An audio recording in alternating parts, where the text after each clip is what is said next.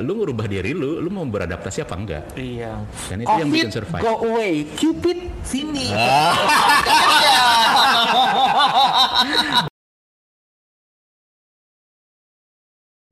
listen, listen, listen, listen.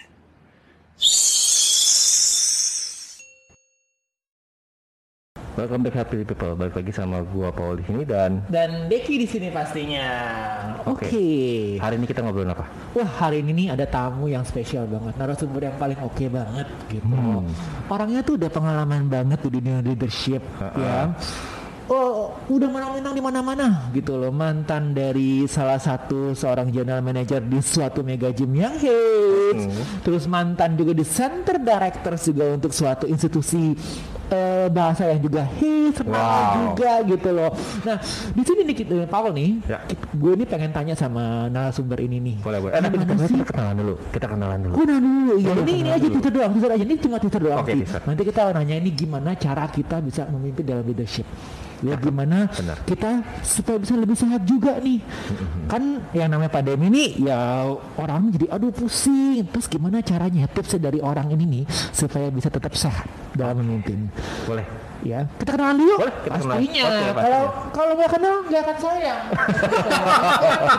kenalan dulu siapa orang ini. Ya. Oke. Meskipun di balik masker tetap kenalan. Kelihatan matanya. Ayo Ya, silakan. silahkan diperkenalkan dirinya. Eh, ganteng kok kalaupun ini maskernya dibuka. Oke banget ya. Asal jangan pas dibuka. Ada apa itu? Oh. tenang, tenang. Garansi kok, garansi, Garansi ya? garansi uang kembali. Oke. Oke, halo healthy people. Eh, nama gue Ferry. Eh, kalau misalkan buat teman-teman yang ada di sini, sebenarnya kita udah kenal lama karena kita satu alma mater. Jadi kalau ngomongin experience, eh, gue backgroundnya kalau ngomongin pendidikan memang dari eh, manajemen. Jadi dulu kuliahnya emang marketing management. Karir, Jangan, eh, padahal gue kuliahnya nggak itu ya. karir terakhir sebenarnya gue jadi salah satu kepala sekolah bahasanya kalau bahasa Inggrisnya center director di sekolah kursus bahasa Inggris Oke. Oke. terus eh, itu ada sekitar dua setengah tahun. Sel- sebelumnya juga gue pernah jadi seorang general manager di salah satu perusahaan eh, tempat fitness ya yang paling hits dan terkemuka di Indonesia Yang lama banget tuh. Iya, di sana juga eh, enam tahun berkarir di sana dan kebetulan malang melintang juga udah udah keliling-keliling ke semua cabang yang ada di Jakarta. Oke. Terus kalau speciality gua sebagai seorang leader biasanya gua lebih kuat di people management, leadership sama sales sih sebenarnya kayak gitu. Kalau eh, daily activity sekarang kebenaran karena pandemik memang agak sedikit berbeda. Jadi kena efeknya juga ternyata ya gara-gara Oke. pandemik ini. Cuma tetap tetap harus positive thinking, tetap tetap harus berkreasi. Pandemi harus Iya. Pandemi tetap harus berkreasi, tetap harus ngelakuin sesuatu. Saat ini gue masih lanjut eh, study, gue lanjutin kuliah gue, udah jalan beberapa bulan sebenarnya. Terus ya kayak gini, bantu-bantu untuk bikin-bikin konten atau misalkan freelance freelance sesuatu yang related sama skill dan job gue sebelumnya. Kira-kira seperti itu kalau background dari gue sendiri. Menarik ya. banget tuh, menarik banget tuh. Menarik banget. Oke, Paul, em, Fer, Hmm, coba yes. dong eh, share kira-kira menurut Fer ini leadership di masa pandemi itu seperti apa sih, Fer? Oke, eh, sebelum kita ke situ, kalau dari teori manajemen kan, yang gue pelajarin dulu kan. Aduh, teori Zaman- manajemen. Kuliah ya kan? Zaman zaman kuliah. Wow. eh, leader itu kan sebenarnya ada beberapa tipe ya. Yang paling terkenal ada leader yang tipe kepemimpinannya itu biasanya dia otoriter ya kan? Otoriter Atau itu berarti bos. leader iya yang bosi banget Oke. yang segalanya itu sesuai sama SOP yang segalanya sesuai sama rules. Ada jelek ada bagus leader kayak gitu. Bagusnya adalah dia biasanya orangnya firm tegas. Ada apa-apa dia bisa nentuin ada apa-apa dia nggak akan gampang goyah tapi ada jeleknya juga biasanya leader macam kayak gitu tuh nggak disukain sama anak-anaknya Positif negatifnya ya. Yes, negatifnya. Mungkin nggak fleksibel kali Nggak ya. fleksibel bener banget. Jadi ibaratnya gue nggak peduli lu sakit hati apa enggak, gue nggak peduli apa yang gue lakukan itu menurut menurut lu bagus apa enggak. Yang penting gue ngikutin eh, regulasi seperti itu. Yeah. Ada juga leader-leader yang kedua itu biasanya eh, demokratis. Demokratis itu biasanya tipikalnya people person tuh disukain sama anak-anak buahnya. Apa-apa itu eh, ngedengerin anak buahnya pengennya apa. Walaupun sebenarnya as a leader dia juga punya tuntutan nih dari company. Oh lu harus bikin sesuatu nih kayak begini. Cuma dia nggak akan langsung secara mentah-mentah nyampein itu ke anak buahnya, tapi dia ngebuka diskusi dulu. Kalau ngelakuin ini bagaimana? itu juga ada plus minusnya. Plusnya adalah dia bisa jadi jembatan yang bagus antara staff, antara orang yang dipimpin sama manajemen. Oke. Tapi jeleknya kadang-kadang orang kayak gitu tuh kurang tegas, ngerti gak? Karena gini, ketika kita jadi leader, ketika kita mimpin mimpin sesuatu organisasi, tidak selamanya kondisinya itu ideal. Ada kondisi di mana yang kita tuh harus firm. Misalkan krisis kayak sekarang. Kalau leadernya menye kalau leadernya nggak bisa nentuin sesuatu, anak-anaknya juga bingung. Gue harus ngapain nih? Kayak gitu kan. Selanjutnya, ini mau, mau gue sebutin semua apa nggak usah deh? Nggak usah, yang ini aja. Oke, yang intinya. aja. Kalau menurut lebih- gua, lebih- kalau menurut gua sih eh, yang selama ini gua alami selama kena pandemik leadership style yang cocok saat pandemik ini lu harus jadi seorang leader yang eh, situational. Jadi kalau di ilmu manajemen ada yang namanya situational leadership. Situational leadership ya. Ya. Ah, waduh. Oke, bener-bener. situational leadership itu apa lagi. sih? Betul. Jadi itu sebenarnya eh, metode kepemimpinan dulu itu eh, dibikin sama si Kate, Kate Blanchard ya namanya. Ya, lupa. Kate Blanchett. Ya, Kate, Kate Blanchard tahun 1970-an. Bukan Kate Winslet ya, itu itu beda. Bukan, bukan, bukan, bukan. Oke, Ya. si Blanchard ini bilang kalau sebenarnya mimpin orang itu itu harus di, di- ditentukan dengan kesiapan dari stafnya masing-masing. Jadi lu nggak bisa jadi leader itu fit for all. Karena gini, lu kan yang namanya leader pasti mimpin banyak orang. Yes, ada yang lebih tua dari lu, ada secara pendidikan lebih pintar dari lu, ada yang mungkin lebih muda dari lu, ada yang udah expert, ada yang masih newbie. Ketika misalkan lu eh, mimpin orang dengan tipe yang banyak seperti itu, tapi dengan satu gaya yang sama, itu ada beberapa orang yang akan nggak kena. Yang ada apa? Turnover. Yang ada apa? Keluar. Yang ada apa? Gue nggak cocok deh sama bos gue. Gue nggak suka banget deh sama sama sama bos gue gitu loh. Si, si situational leadership itu ngajarin kita buat kita itu mimpin orang, tapi kita harus lihat kondisi anak-anak kita sebenarnya ada di mana. Kita petain dulu. Sama kondisi eksternal kita sekarang lagi kayak gimana. Gua ketika mimpin tim gua zaman pandemik sama zaman pandemik is totally different. Kenapa? Karena kalau gue mimpin tim gua sama seperti ketika belum pandemik nggak akan berhasil karena situasinya udah berbeda. Iya, berbeda jauh. Ya kan beda jauh. Kalau misalkan gue jadi orang yang tadi enggak situasional, gue nggak bisa beradaptasi, gue quote and quote jadi bunglon, ya maaf maaf aja, lu nggak akan bisa survive di di di, di masa pandemi kayak begini. That's why menurut gue eh, situational leadership itu paling pas kalau misalkan ngomongin leadership di saat pandemik seperti itu. Hmm, Oke, bagus banget loh ini loh terima pakai situational leadership Ha, ya. ha. Dan jangan lupa juga ya Om, kita juga pakai apa namanya tuh eh, EI, emotional intelligence. Of course, Itu betul paling banget. penting sebenarnya paling Iya. penting. Iya, of Karena course. memang dalam situational leadership itu eh, AI itu juga harus kita gunakan. Kita Betul. juga bisa melihat seperti apa staff-staff kita. Mhm. Kalau em, kita juga harus apa namanya tuh em, bisa adaptasi lah kepada mereka. Betul. Ya kan itu Hmm. keren banget nih. Iya. Hmm. Nah sekarang eh, gimana caranya? Kalau misalkan kan sekarang situasional sekarang ini berbeda ya dengan yang sebelum pandemi. Mostly kebanyakan orang yang pas lagi pandemi pasti kan lebih banyak mindsetnya yang negatif nih. Ya. Nah itu gimana cara merubah mindset yang si, neg- si orang negatif ini menjadi positif dan akhirnya ngebantu si tim ini buat nge-reach goalnya gitu. Iya, Oke. eh, apalagi kan kalau tadi dengar dari Ferry kan bilang gue ini jadi kepala sekolah ya kan, center director di suatu institusi bahasa. Ya kan mungkin semasa sebelum pandemi itu wah kayaknya gampang banget nih nyari sales, anak-anak udah termotivasi. Iya, betul, Setelah betul. pandemi, waduh banyak banget yang Demotivate, bisa, betul, demotivate. betul, udah betul. gitu juga apa kita nggak boleh ngumpul, ibaratnya kan sekolah udah tutup. Betul. Nah, terus gimana nih caranya nih? Eh, jadi selama pandemik ini sebenarnya agak sedikit tricky. Cuma yang selalu gue kedepankan adalah ketika gue mimpin pada saat pandemi ini, gue lebih mengedepankan eh, emotional health-nya tim gue. Itu itu paling penting banget. Iya, Kenapa? Eh, gue tahu gue punya target dari perusahaan bagaimanapun ya kan. Eh, ya kalau nggak kayak gitu ibaratnya perusahaan juga nggak bisa bayar kita dong. Betul. Tapi si mental health itu juga gimana caranya buat dijaga, Bi- bi- gimana caranya buat tetap si anak-anak itu termotivasi untuk bekerja untuk menghasilkan. Gue sangat mengedepankan yang namanya eh, sistem manajerial. Kalau ada apa-apa, gue melakukan coaching and counseling. Gue lebih senang untuk ngelakuin one on one sebenarnya, ya kan. Walaupun waktu kemarin kan kita WFH nih. Eh, lu kapan kapan ngelakuin konselingnya misalkan kapan ngelakuin coachingnya? Pertanyaannya men sekarang tuh yang tadi lu bilang ada AI gue biasanya pakai zoom atau misalkan gue bisa pakai video call. Gue akan selalu ngedudukin tim gue ketika mereka demotivate untuk tahu untuk gali dulu. Gue selamin dulu nih ini faktor faktor apa yang bikin dia eh, kurang termotivasi? Ditegur kalau memang eh, dia udah parah banget, udah gak bisa gua coaching, bisa gue tegur. Kalau misalkan udah ditegur pun enggak enggak enggak berhasil juga, ada cara lain yang yang sebenarnya bisa lebih keras itu. Cuma step awalnya biasanya gua akan ngelakuin itu dulu, coaching sama konseling dulu. Setelah gua tahu, gua gua gua gua nemuin problemnya ada ada di mana, baru nanti kita bikin agreement nih, bikin agreement, gentleman agreement. Oke, after this, what will you do? Lu mau ngapain? Apakah lu mau terpuruk atau lu mau berubah? Kalau lu terpuruk konsekuensinya adalah lu bisa kehilangan pekerjaan lu. Oke. ya kan? This is this is pandemic. This is not easy for us to to, to survive gitu kan di kondisi kayak begini. Tapi kalau lu mau berubah ayo gue bantuin. Coba kita lakuin ini ini ini ini. Nanti biasanya gue bikin checklist nih apa yang mesti mereka lakukan?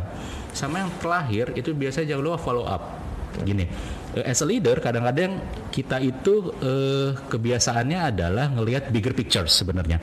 Tapi jarang banget ngelihat details dan follow up. Tapi padahal itu adalah menurut gua kunci sukses juga. Kenapa?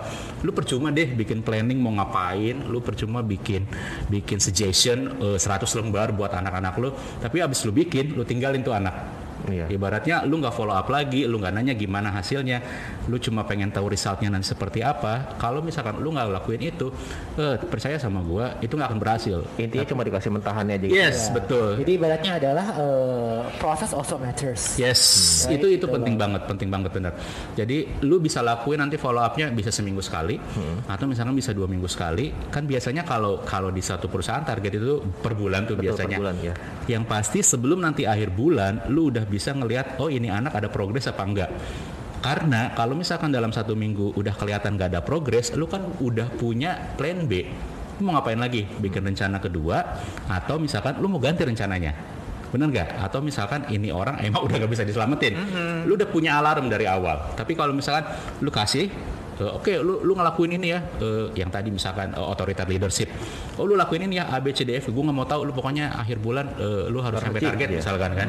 Tapi nanti lu nggak nggak nggak tahu nggak tahu follow upnya. Tiba-tiba pas akhir bulan dia nggak nyampe, terus gimana? Panis. Telat dong. Sementara lu kehilangan empat minggu, sebenarnya lu bisa ngelakuin follow up. Biasanya itu kalau di kantor gua sebelumnya itu gua ngelakuin ada cut off-nya. Karena gue biasa Sabtu Minggu libur, gua cut off-nya di hari Jumat. Gue Oh, pengen follow up nih. Kira-kira seminggu ini ada ada perubahan apa enggak? Sama biasanya gue tanya nih, kan Sabtu Minggu gua nggak ada di kantor, tapi kan mereka tetap ada di kantor eh, beberapa orang. Jadi gua suka nanya planning buat weekend kalian mau seperti apa? biar apa biar nanti udah punya planning Sabtu Minggu pun tetap produktif itu loh baru nanti hari Senin Senin di minggu berikutnya di review lagi kalau memang berhasil seperti itu Oke, oke, oke.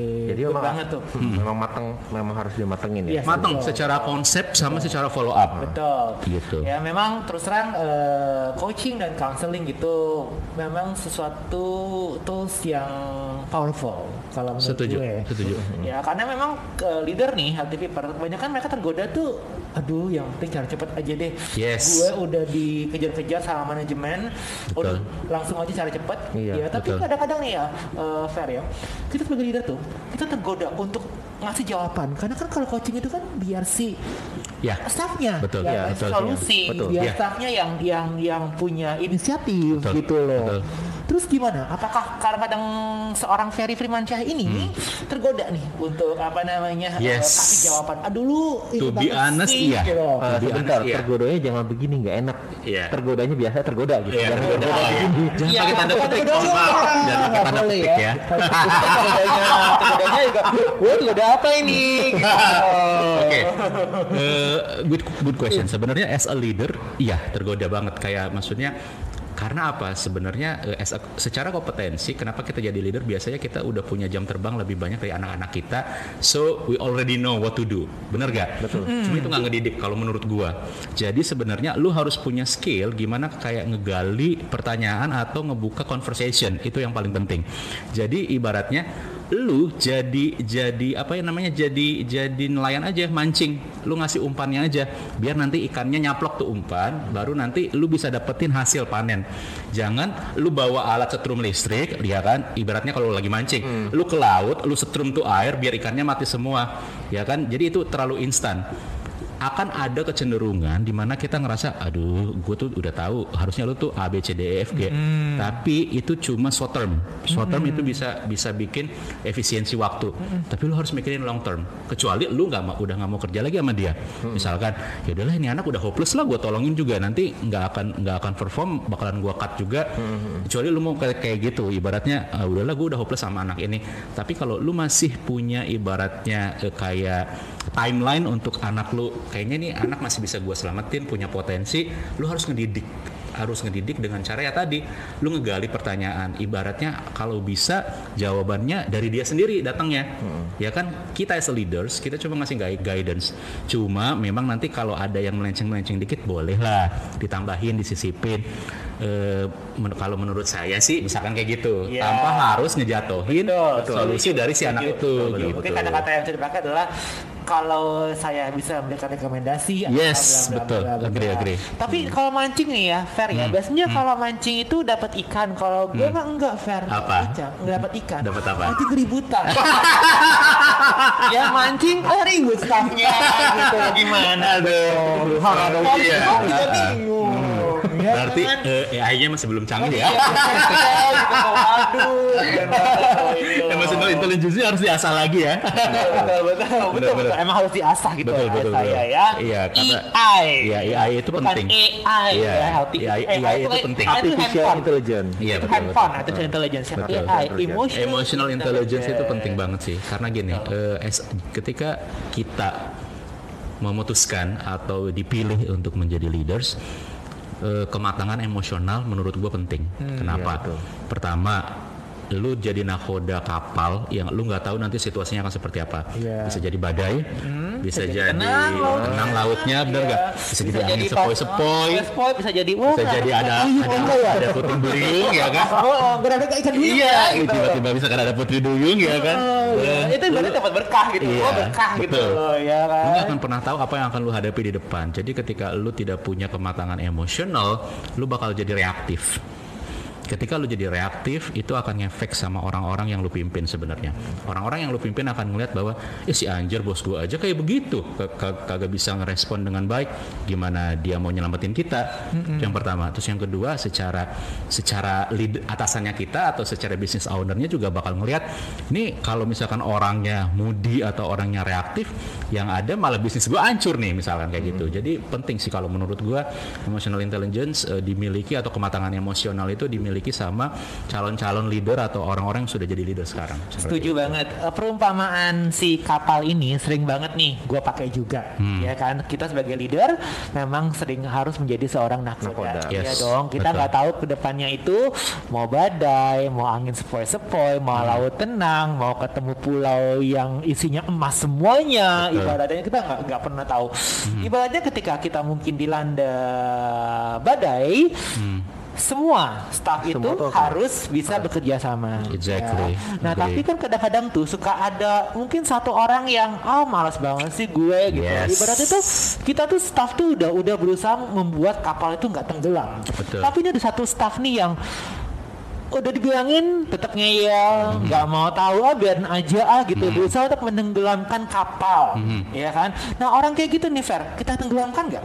Gini, berarti rejection dong. Iya betul. Itu hal yang wajar yang terjadi di semua organisasi kalau menurut gua. Rejection itu akan terjadi. Tinggal timingnya aja lu tungguin kapan. Ada dua sebenarnya penye- penyebab eh, penolakan atau rejection yang terjadi di satu organisasi. Yang pertama, di reject, Ya, Janet Janet kalau itu mohon maaf ya. Baru nikah lagi ya? Kok jadi gosip sih? Aduh, bukan ini bukan acara gosip, acara kita nanya bagaimana cara lebih positif ya. Oke. Apa aja yang direject aja terus. Oke, eh, staff-staff yang negatif yang melakukan rejection itu kalau menurut pengalaman gua itu biasanya faktornya ada dua. Yang pertama adalah ketidak ketidakjelasan arahan atau visi yang yang si leader itu coba sampaikan ke timnya. Jadi akhirnya mereka ngerasa loh kok begini kok begitu Pad- karena apa karena ketidakkeliran informasi yang mereka terima. Makanya mereka kayak jadi jadi jadi jadi baper, jadi jadi jadi rejection itu itu itu pasti terjadi. Yang kedua sebenarnya ada dua ya, yang paling parah itu adalah ketidakmauan untuk melewati perubahan. Karena gini, eh yang namanya perubahan itu sesuatu yang wajar sebenarnya dalam satu organisasi, ya kan? Lu kan nggak mungkin, misalkan lu kerja sepanjang hidup situasinya baik-baik aja. Iya. Tapi ada orang-orang yang ngerasa bahwa perubahan itu ancaman loh. Betul betul. Ya, gua ngalamin yang pas gua kerja di perusahaan fitness terkemuka itu, gua kan pindah-pindah klub itu pindah tempat maksudnya itu hampir setahun sekali itu gue pindah. Jadi ketika gue pindah ke satu tempat, lu bayangin gue harus beradaptasi lagi sama orang baru. Yep. Udah gitu gue harus bawa leadership style gue. Gue harus bawa pesan-pesan dari sponsor nih, bos-bos gue man- dari manajerial level. Apa yang harus gue lakukan di, di di cabang tersebut. Sementara orang-orang yang udah ada di situ bisa jadi lebih lama kerjanya dari gue, lebih tua umurnya dari gue, atau ngerasa lebih kompeten dari gue. Akhirnya kan gue akan membawa perubahan. Bener gak? Suka nggak suka mau nggak mau. Makanya yang gue lakukan adalah sebenarnya kalau yang pertama itu gampang. Ketika ti- ada ketidakjelasan eh, soal guidance, soal arahan, soal visi, itu tinggal didudukin bareng. Momennya apa? Gampang, meeting bareng. Misalkan as simple as that kalau mau secara formal. Kalau mau yang secara informal, ajak kopi bareng, ajak nongkrong bareng. Ibaratnya ada komunikasi. Siapa ya? Bayar ya, ya leadernya lah. Biasanya kalau di kantor itu ada ketikes ya bisa dipakai kawan-kawan. kalau enggak ya palingan Ya pakai duit sebagai sendiri. saya maaf ya eh, bos saya nggak mau kok cuma kasih, kasih Starling Iya. gitu. saya mau kopi yang mahal gitu. apa-apa ya paling eh, Starbucks berapa sih satu cup agak sedikit sombong ya saya Gak mau saya kopi di hotel. Iya. Tinggal bawa aja ke hotel. Oh, Kopinya. Duit gue ke hotel. Oke. Balik. Oke, yang kedua, yang tadi, yang mereka nge-reject karena memang mereka nggak mau sama perubahan. Itu memang agak sedikit challenge. Ya, karena buat mereka mungkin perubahan itu keluar dari nama comfort zone. Betul, comfort Iya zone, kan, gitu. ngelawan comfort zone orang lain itu juga nggak gampang. Betul, nggak gampang, betul. Bahkan diri kita pun juga susah ngelawan comfort Itu zone dia. kita sendiri. Iya kan? Nah, itulah kenapa tadi gue bilang di awal yang pas teori manajemen ketika ngadepin kondisi kayak gitu, otoriter manajemen diperlukan. You need to show who's the boss is. Why? Karena sebenarnya kalau misalkan lu nyeme-nyemenya sama orang kayak gitu, Manajemennya apa sih? Menye-menye itu ibaratnya eh, apa ya? eh, tidak tegas, tidak tidak, Tidak firm, tegas, tidak tidak- firm tidak sama orang kayak firm, begitu. oke.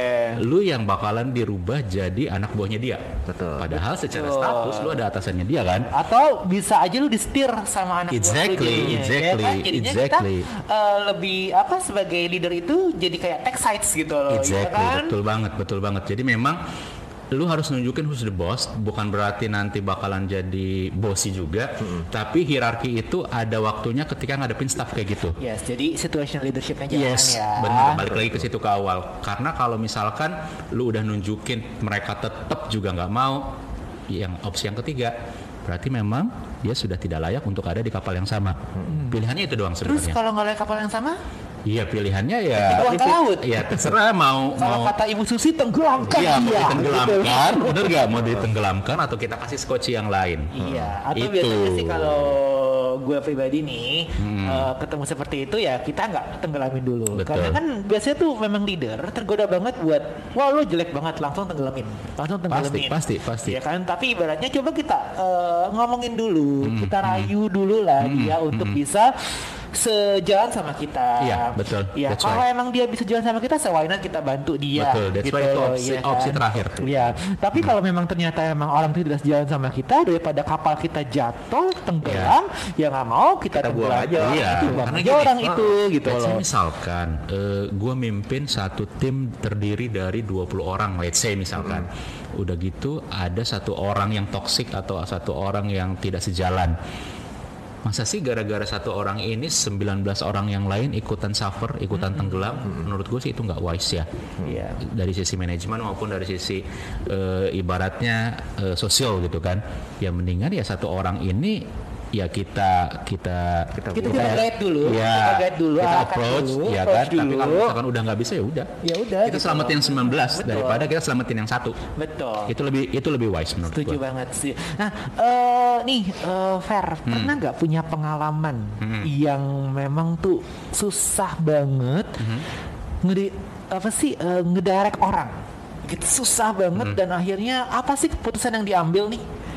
Ngedirect orang Ya, tapi mungkin dia nggak mau nggak ya, mau mungkin dalam hal didirect. dalam hal adalah eh, dalam situasi pan- pandemi seperti ini ya Hmm, kita memang harus adaptasi seperti Betul, itu. betul. Tapi ada satu orang nih kayaknya nih ibaratnya adalah eh, aduh ini banget sih susah banget gitu loh. Bebal banget sih. Bebal. iya kan? Terus tuh gimana tuh? Pernah balik lagi sih ke yang tadi coaching sama konseling gue pendekatannya akan personal. Gue tidak akan approach dia let's say misalkan di public. Biasanya kan kita kalau di selama pandemik ini komunikasinya by online semua kan? One on one ya? Ya one on one. Three way loh. One on one ya bukan jadi tiga orang gitu loh one on Eh, one. pengalaman kemarin ada satu anak sales gua itu dia nggak bisa bangun pagi ternyata. Sementara selama WFH itu kan gua akan absen mereka setiap jam 9 sebenarnya kalau misalkan pas sebelum WFH itu kita kan masuk sekitar jam 10 jadi jam 10 itu eh, mereka nyampe kantor absen baru kerja gitu. Ternyata kalau pas WFH toh mereka di rumah aja kan. Jam 9 itu mereka harus udah di depan laptop udah harus video call sama gua. Oke. ya kan? Pakai satu aplikasi itu buat gua ngecek nih ini anak udah bangun apa belum? Terus gua gua share hari ini kerjaan mereka apa? Ada satu anak yang nggak bisa banget ternyata bangun pagi nggak bisa. Eh udah dibilangin baik-baik nggak bisa juga udah udah ditegur baik-baik nggak bisa juga akhirnya udah gua one on one ini gue dudukin. Hmm, oke. Oke lu maunya gimana? Terus dia nggak bilang "Eh, bos rekod aja deh bos kenapa? Rekod aja. Rekod? Heeh, direkam aja kan sudah direkam. Apa yang direkam? Itu meetingnya. Ya, nggak kan bisa. bisa, aplikasi Nggak- itu merekam meeting. Nggak bisa. Oh nggak bisa ya? Akhirnya gini akhirnya gue kasih opsi. Ya kasih opsi. Kalau memang lu mau masuk lebih siang boleh. Tapi lu harus balik lebih malam. Akhirnya gitu. Jadi jam kerja dia gue gua rubah. Karena mungkin eh, jadi win-win kan? Win-winnya dalam artian itu orang tetap bisa produktif tapi dengan time zone-nya dia. Sementara gue paksa dia untuk ada jam 9 pun susah banget gitu loh. Hampir-hampir seminggu itu dia kayak miss melulu nih kalau absen pagi. Tapi dia kerja tetap kerja gitu. Oke kalau yang lain jam 5 tank mereka udah udah ngirim report dan udah boleh leha-leha lu nggak bisa. Lu misalkan gue lebihin nih dari, dari dari jam 6 gitu kan. Jadi menurut gue itu jadi win-win solution gitu loh. Jadi didudukin aja didudukin di, di digali lagi. Kira-kira ini anak eh, sebenarnya objection atau negatifnya ada di sebelah mana? Jadi benar kata lu tadi kalau misalkan memang masih bisa kita benerin ya kita benerin Iya. Nah, so far sih Iya, kemarin masih bisa betul. dibenerin Untungnya dan begitu ya. untungnya untungnya jadi ketemu yang tadi gue bilang kita ketemu agreement nih, Iya. gentleman agreement antara kita as a leader sama si orang tersebut. Iya. Kalau misalkan udah kayak gitu sebenarnya udah enak, Iya. tinggal kita udah punya bolanya, udah punya udah punya solusinya bareng-bareng yang udah kita Iya. sepakatin yang tadi gue lakuin follow up lagi. Yang pasti nanti setiap hari ini anak ngelakuin apa enggak kayak gitu aja sih. ya karena biasanya kan kita eh lo nggak mau nurutin apa kata gue sekarang siapa bos di sini? Bisa begitu kan? Bisa ada begitu. Ah, Tiba-tiba keluar-keluar. tiba-tiba keluar bareng-bareng Ya, gitu. ya, ya, ya. Iya kan? Keren banget. Ayo coba apa lagi pertanyaan ini? Sama narasumber yang paling keren ini loh. Makanya, kan kita tadi ngomongin masalah WFA terus nih. Nah. Sekarang gimana nih cara lu buat mempertahankan stamina ya selama WFH ini? apa ini- minum jamu Eh, gak boleh nyebutin merek loh. nggak boleh ah, gak boleh loh. Eh, ini ini pertanyaannya lucu sih sebenarnya. Apa sih yang gue lakukan waktu WFH itu untuk ngejaga pertama mood, yang kedua motivasi, yang ketiga stamina. Yap. Eh, as simple as karena memang kita bertiga kan backgroundnya dari dari dunia olahraga. Gue itu sering banget bikin virtual exercise sama tim gue. Jadi ada satu atau dua kali dalam seminggu itu gue bikin slot untuk kita latihan bareng. Oke. Yang ngelit siapa? gua. ya terus terang ya dunia ini dunia kesehatan ya udah lah ya iya kan? Yang yang yang yang, yang, yang tampil siapa? Gua. Jadi tapi it's it's it's, uh, Itu uh, it's, positif. it's, Iya. it's a good thing ya iya. apalagi di WFA seperti ini ya kan karena kalau kayak kalau gue lihat nih banyak kan itu cuma Duduk, duduk depan kasih laptop, motivasi gitu iya ya kan? motivasi dari motivasi oh my god it's so old fashion gitu Iya, Tapi itu betul. sesuatu yang Betul. yang beda gimana kalau kita latihan bareng ya udah gue sebagai bos gue lead Iya, Keren betul, tuh. betul. Oke. Jadi biasanya eh, gua gua ambil misalkan kita kerja jam 9. Jadi jam 9 itu kita morning briefing dulu. Paling cuma 15 sampai 20 menit. Jam setengah 10 gue suruh mereka udah siap-siap pakai baju olahraga, bawa siapin botol minum dan segala macam. Olahraga cuma 30 menit karena ya we know lah untuk orang Indonesia mungkin nggak semuanya juga senang olahraga kan. Gue kasih olahraga-olahraga ringan aja. SKJ SKJ, gue pernah bikin SKJ loh, serius. Jadi gini, gue bikin SKJ waktu itu, gue cuma as simple as gue nyari videonya di YouTube, gue download SKJ tahun 94 itu. dengan, dengan, dengan, dengan, dengan bapak-bapak yang pakai baju training itu, udah gitu gue puterin itu di Zoom. Eh sorry, nyebutin merek. Di, ap- di aplikasi, di aplikasi itu. Jadi eh, gue absen. Eh guys, eh, jam setengah 10 kita SKJ ya. Oke pak, bisa kan gitu kan.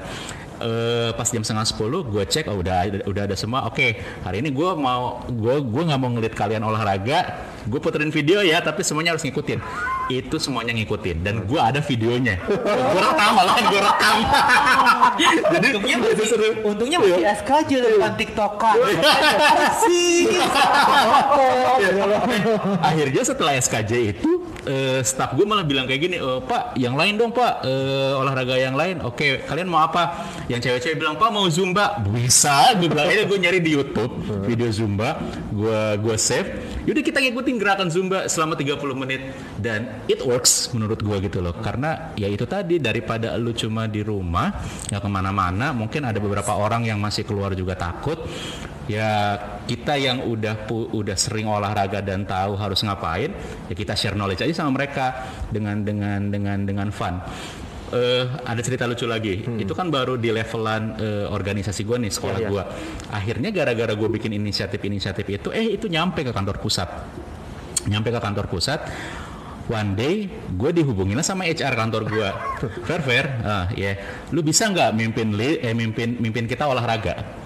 Jadi mereka kita bikin untuk semua staff satu company which is waktu itu kan cabangnya emang banyak. Karyawannya kan juga udah ratusan.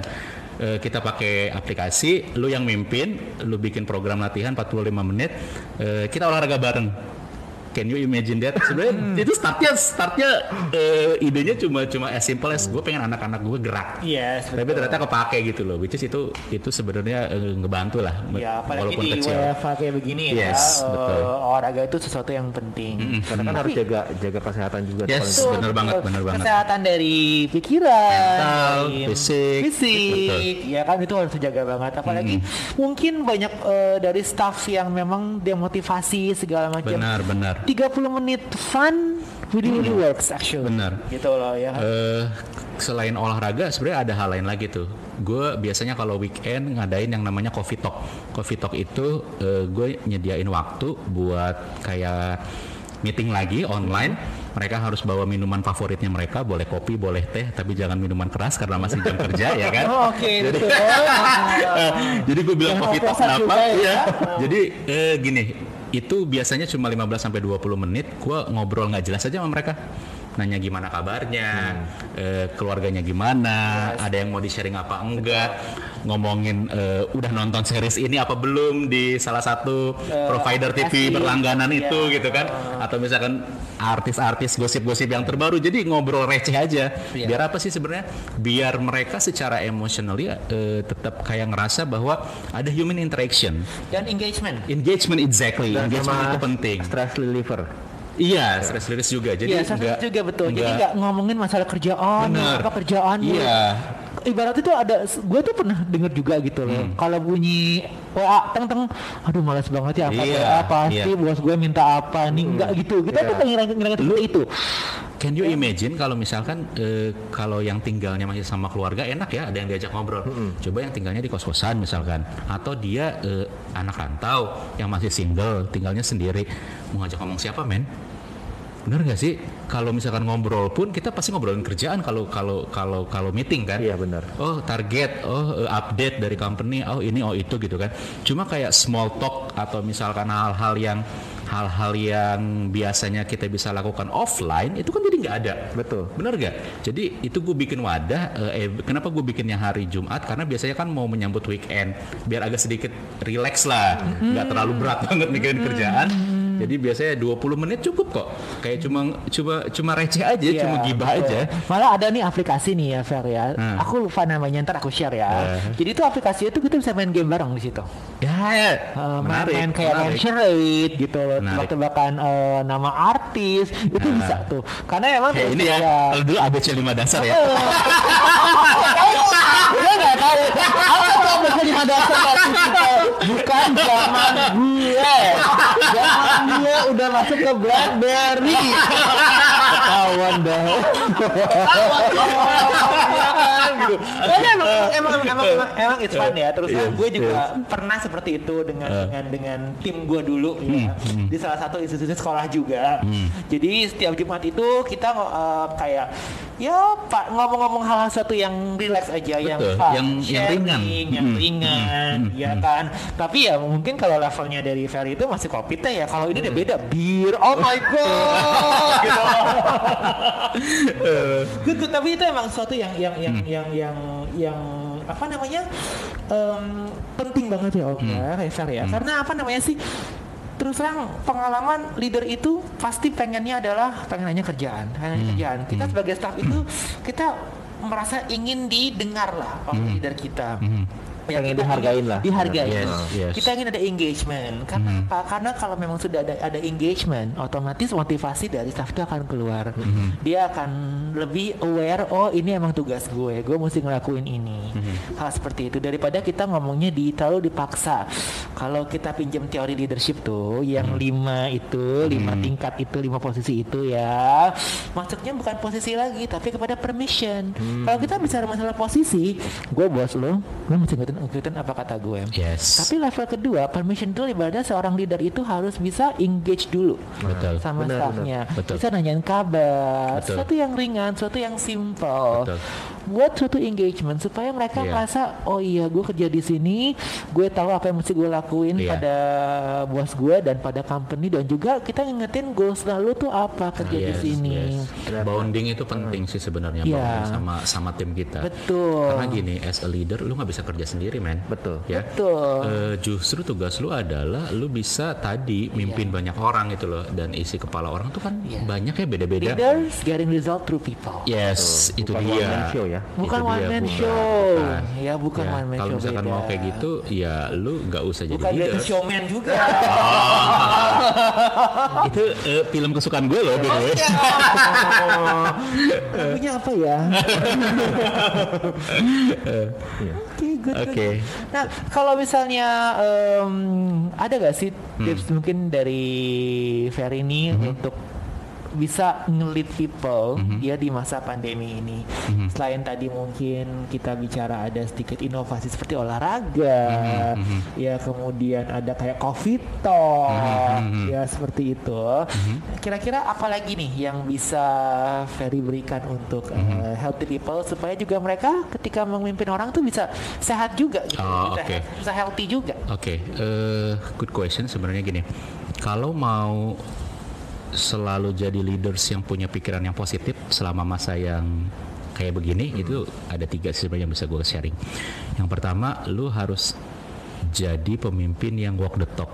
Walk the talk dalam artian lu jangan jadi orang yang omong, do- omong doang. Karena apa? Karena sebenarnya seorang leader itu dinilai dari integritasnya, dari apa yang dilakukan. Lu jangan ngomong sama anak buah lu, lu harus on time ketika lu harus eh, conference call jam 9 sementara lu nya telat. 9.30 lu baru datang. Atau as simple as lu eh, ngajakin tadi misalkan anak-anak lu olahraga tapi kalau lu nya sendiri nggak suka olahraga ya. Jadi jadi jadilah leader yang walk the talk gitu loh. Apa yang lu omongin itu adalah memang yang lu kerjakan. Dari situ lu bakal gain their trust gitu loh. Itu bakalan bikin oh iya ya bos gua aja ngerjain kok gitu kan. Itu yang pertama. Terus yang kedua eh yang namanya cobaan dalam pekerjaan itu menurut gua itu sesuatu hal yang wajar jangan anggap itu sebagai apa ya beban. Lu anggap aja kayak itu adalah tes. Jangan beban ya kan?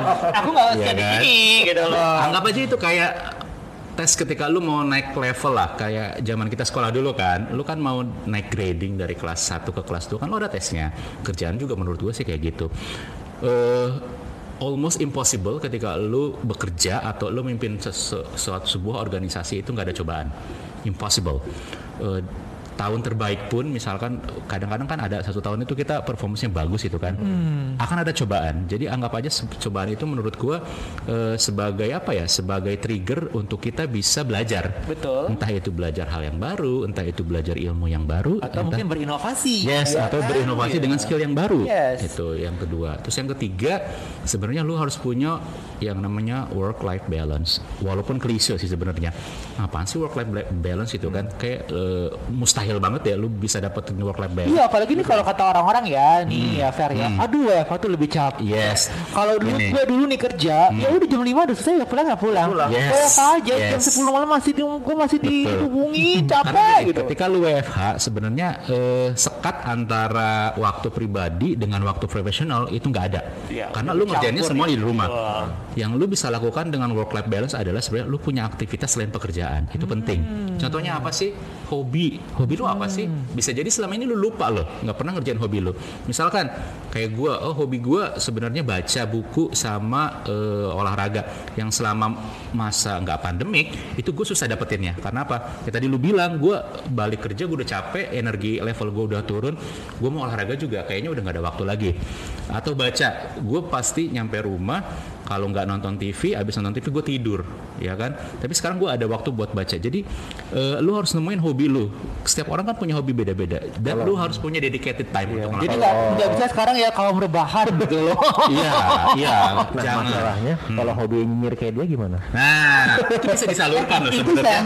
Itu bisa disalurkan. Itu bisa disalurkan juga, Paul. adalah Ya. daripada kita negatif thinking, ya kan kita menyinyiri orang tapi masih tetap positif nyinyirnya. Betul. Jadi yang enggak enggak gitu. Oh. Jadi walaupun hobinya seperti kakak Deki Sugito ini ya, eh, lambe-lambean itu kan, itu tetap bisa disalurkan ya.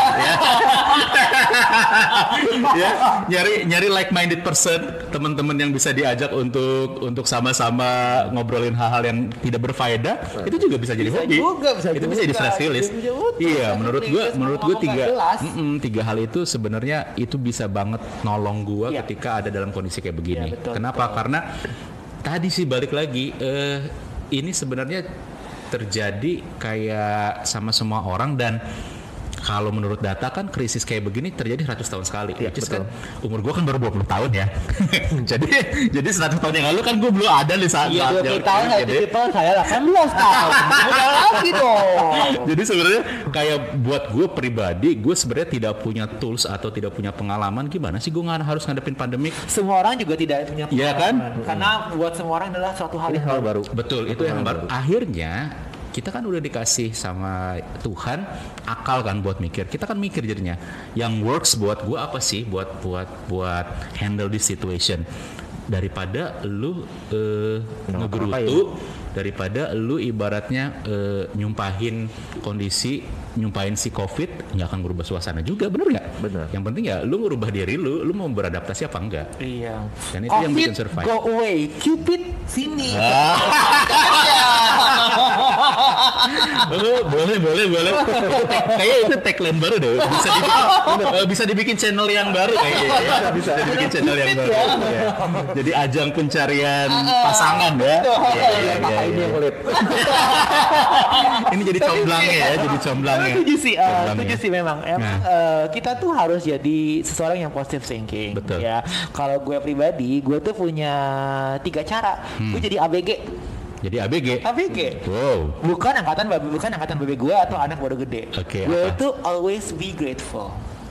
Yes, agree. Ya. Setuju banget. Always be grateful. Dengan cara apa? Kita uh, saying thank you every day. Ya Setuju. kan ketika kita bangun, kita bisa saying thank you, kita masih bisa olahraga. Setuju. Kita masih bisa mungkin makan apa yang kita suka, Hmm. ya kan? Meskipun memang sekarang kita harus uh, aware dengan masalah pandemi. Hmm, Kesempatan buat kita reconnect Hmm. ya sama keluarga, sama teman-man kita, sama Betul. diri kita sendiri. Betul. Betul. Itu Iya paling kan? penting sih sebenarnya. Gitu loh. Apalagi mungkin di mungkin zaman-zaman dulu nih eh, ketika masih kerja waktu untuk temen, Jarang, waktu keluarga kadang-kadang tuh udah nggak ada. Tapi dengan adanya WFH mungkin sedikit reconnect ya untuk apa namanya sih supaya kita bisa lebih positif juga. Ya terakhir dua cilaf lakukan sesuatu yang emang lu suka. Yes. Ya kan mungkin kalau Ferry olahraga, kalau gue adalah main cupang gitu loh, ya kan? Maaf, main apa? Main cupang, ikan cupang ya di situ ikan cupang cupangan, ya. Bingung, salah ngomong gue. Eh, saya klarifikasi ya. Eh, Beta fish mungkin lebih lebih, lebih Apa sopan ya. Beta fish. Oh beta fish. Iya. Aduh, Oke. betul, ikan cupang. Daripada nanti itu salah persepsi loh. Iya, audiens kita di seluruh Indonesia dengernya nanti kamu main cupang-cupangan apa loh? Beta fish ya, Main saudara-saudara. fish ya, main ikan Iya. cupang. Iya, iya, iya, iya, iya. Itu kan hobi baru. Padahal zaman-zaman dulu nih waktu gue kecil, Udah ada. itu udah ada. Udah ada, betul, Adu adu betul, ikan betul. cupang tuh udah ada. Betul. Paling sih udah ada. Mhm. Kenapa sekarang hits lagi? Ya kan sesuatu yang baru. Gitu loh. Untungnya nggak kita nggak main layangan ya. Nggak, Ya Allah, nggak. dia main layangan gitu loh. Eh, nggak nanam monstera enggak? Apa? Nanam monstera. Monstera mahal. Oh mahal ya. mahal gitu ya. mahal ya. Kalau enggak kaktus sih. kaktus kaktus yang hates itu. Ya benar. Iya kan? kaktus. Kaktus kaktus yang hates itu eh, di tempat saya Ragunan banyak nanti boleh lihat. Kalau bisa nanam pohon uang nggak apa-apa. Gitu. Kalau kaktus itu takut apa? Takut tertusuk. Tertusuk. Eh, hatiku sama itu Oke. tapi keren banget nih ya gitu ya caranya gitu loh. Caranya Hmm. kita tuh harus apa namanya sih em, positif ya untuk diri kita juga Hmm. Betul, gitu, betul. kesempatan buat kita untuk bisa connect juga Hmm, gitu. keren banget keren banget. Khususnya nih gue suka dari Feli ini adalah cara dia waktu eh, tips untuk apa eh, ngelit people. Gitu loh. Ya karena tadi yang gue bilang orang banyak kan leader itu cuma kasih motivasi gitu loh. Training segala macam. Tapi olahraga sesuatu yang beda loh. Betul. ya jarang-jarang nih ada bos yang ngelit orang dia ngelit olahraga juga. Tapi Ya. kan kalau kalau udah jadi leader biasanya kan mereka selalunya kan ke atas terus. tuh. Hmm, iya, jadi kalau dia tuh bisa lihatnya ke atas terus nggak lihat ngeliat ngeliat ke bawah, iya kan gitu loh. Jangan lama-lama lihat ke atas silau. Silau ya, ntar jadi apa? Lehernya dia, iya kan. Katarak loh. dah. Katara kayak Ger. Ya, terus apa namanya em, tadi apa namanya selain olahraga itu juga ada kayak coffee talk. Kita bicara sesuatu yang fun-fun aja. Betul, Iya betul. kan? Itu yang dibutuhin sekarang. Ya, karena memang di masa pandemi ini semua orang tuh panik. Ya, semua orang tuh demo hampir semua dem, dem, demotivate. Apalagi sekarang banyaknya gelombang PHK, ya kan gitu yang orang-orang juga pada bingung. Iya. Gitu. Dan juga Ya. banyak perusahaan yang gulung tikar. Yes, Betul. yes. Ini benar-benar kondisi Burung kita ya. bukan burung, bukan burung burung tira- tirai ya, bukan ya. Kira yang mana ya? Oke. Tirai. Oh. Oke, Eh, tolong di tolong di skip ya itu yang tirai-tirai. Oke, mohon maaf. Mohon maaf, mohon maaf. Oke, good good good. Ya. Ada lagi mungkin Paul yang mau ditanyakan dari Enggak narasumber sih, yang oke ini? Ini udah oke banget narasumbernya. Jadi kan paling enggak dari si Ferry ini bisa nge-share gimana harusnya seorang leader ber eh, act, act ya harusnya Iya. biar acting sebagai leader tuh harus Betul. apa. Selain itu juga kita harus punya kesehatan baik di our apa namanya Fisik. physical, physically dan mentally. Yes, agree. ya Mhm. gitu loh ya kan juga buat healthy people ya yang mungkin memang punya pengalaman buat lead people kita harus punya apa namanya tuh kesehatan mental dan physical Iya. ya caranya mungkin kalau memang pengen ikutin caranya seorang Ferry Firmansyah boleh banget loh Boleh. gitu ya Jadi boleh yang penting banget Monggo dengan senang hati. Atau mau sign up untuk Oh, untuk oh, kelas gitu ya. kelasnya sendiri bisa. Oh, boleh, boleh. Tapi aku mau dapat apa ya? Kelas SKJ bisa. bisa bisa bisa boleh. Gue juga bisa gitu. Ayo masih inget gak gerakannya? gue itu nggak lahir tahun 90 sih. Oh iya, gitu kita loh. generasi Z, apa? Y? Ah, oh Z. Z. Z. Z. Oh, tunggu, enggak lahir tahun. 8 enggak lahir tahun 90 berarti lah tahun lahir tahun 80. Oh, enggak. Dia generasi micin. Dia makan micin. Makanya rusak begini. Eh, makanya otaknya agak sedikit terkontaminasi ya sama MSG ya. Sip. Sip. Oke. Oke. Eh, paling sampai eh, see you healthy people. Sampai ketemu di episode berikutnya. Sebelumnya thank you banget Ferry udah datang. Sama-sama, thank you. Kapan kita undang lagi? Boleh, oke, my pleasure udah bisa Tapi yang ngobrol di sini. eh, bukan kelas SKJ ya healthy people. Iya. Eh, boleh boleh kalau kelas SKJ ya. Boleh boleh. Nanti biar Ferry yang ngelit. Jadi kita liatin aja. Gue Penasaran. Gimana ngelit kelas SKJ? Oke, ini bagus, ini bagus, ini bagus. Oke, thank you healthy people. Sampai sini, sampai ketemu next episode dan ciao.